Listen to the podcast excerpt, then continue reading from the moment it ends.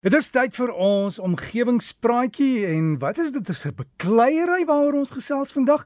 Professor Ria Let Pieters is by Noordwes Universiteit en wat hoor ek daar in die agtergrond? Jy's al klaar by die klas. Dit woel en dit werskaf. Jy is besig, né? Hi Ria Let. Hallo Derek. Ja, weet jy toe ek op die kampus aankom vanoggend, sien jy mense wat besig is om die blare weg te blaas en dit lyk of die HK's van die dorpskoshuise doenig is. So hier gebeur definitief baie goed op die kampus. Ja, en dan die gesprek vandag gaan oor is dit bakleierery tussen diere?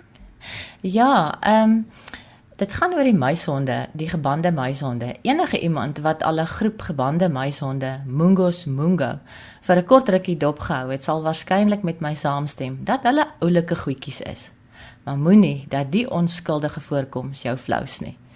Volgens Graham Lawton, een van die wetenskapskrywers vir New Scientist, is dit glad nie die geval nie. Hy het tot die slotsom gekom na afloop van 'n besoek aan Uganda se nasionale koningin Elizabeth Wildtuin in die weste van die land en die gebande muishond navorsingsprojek wat daar gebaseer is. Sy bydrae het op 30 Januarie van hierdie jaar verskyn. Volgens Michael Kant van die Universiteit van Exeter in die Verenigde Koninkryk wat betrokke is by die muishond navorsingsprojek draai 'n groot deel van die sosiale struktuur van die gebande muishond om oorlogvoering met naburige groepe waarin teenstanders brutaal doodgemaak en vermink word. Daar's 25 muishond spesies in Afrika, maar nie al die spesies leef in kolonies nie. Die gebande muishonde kom wel in kolonies voor en daar's enige iets van 8 tot 55 individue in territoriums van so 1 vierkante kilometer. Daar heers 'n subtiele hiërargie in die groep wat berus op die ouderdom van die individue wat 'n klompie dominante wyfies insluit en so 2 of 3 mannetjies wat die wyfies baie sorgvuldig oppas wanneer hulle op hitte is, met ander woorde in estrus is en gereed is vir paring. Die res van die mannetjies is selibate onderdane. Al die wyfies word toegelaat om te paar en al die wyfies skenk geboorte in dieselfde nag. 'n Gebeurtenis wat 4 keer 'n paar jaar 'n uh, 4 keer 'n jaar plaasvind. Dis nog onduidelik hoe hierdie gesamentlike geboorteskenk gebeurtenis gekoördineer word. Na die geboorte maak almal almal se kinders groot en niemand weet meer watter ma het watter kind nie. Die paringsproses duur so 'n week lank en soms gebeur dit dat 'n wyfie te vroeg moet geboorte skenk om betyds te wees vir die doeldatum. En as iets fout gaan en 'n wyfie nie geboorte skenk op dieselfde tyd as die ander nie, word haar kleintjies voor die voet en sonder uitsondering doodgemaak en soms selfs gevreet. Die oorlewende kleintjies word almal saamgesoog en deur die mannetjies opgepas by die blyplek.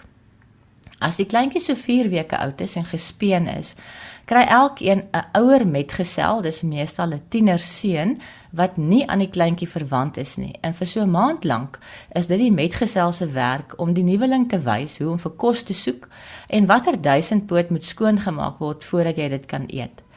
Gebande muishonde is predators wat behalwe duisendpote ook kewers vreet en muise, rotte, akedisse en klein slange. Een van die redes waarom die gebande muishonde bestudeer word, is omdat hulle so gereedelik gewelddadig optree.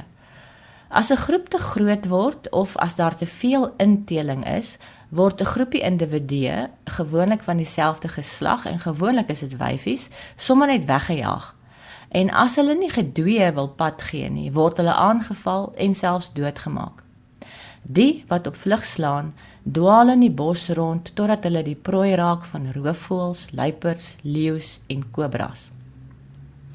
As hulle gelukkig is, loop hulle 'n groepie van die selibate mannetjies raak wat sommer self van 'n ander groep afgestig het en vorm die verstotelinge en die drosters hulle eie nuwe kolonie. Gebande muishonde voer gereeld oorlog met buurkolonies. Hulle dring die ander se territorium binne en baklei hand en tand soms tot die dood toe. Dis meestal die mannetjies wat baklei en aanvanklik stel die twee kolonies in twee rye teenoor mekaar op voordat hulle mekaar bestorm en dit in 'n middeleeuse geveg ontaard met oorlogskrete op die koop toe. Daar's verskeie redes waarom oorlog gevoer word. Aanvanklik is vermoed dat dit eintlik net oor paring gaan, want dis die dominante wyfie wat in estrus is wat die aanval op die ander kolonie sal lei.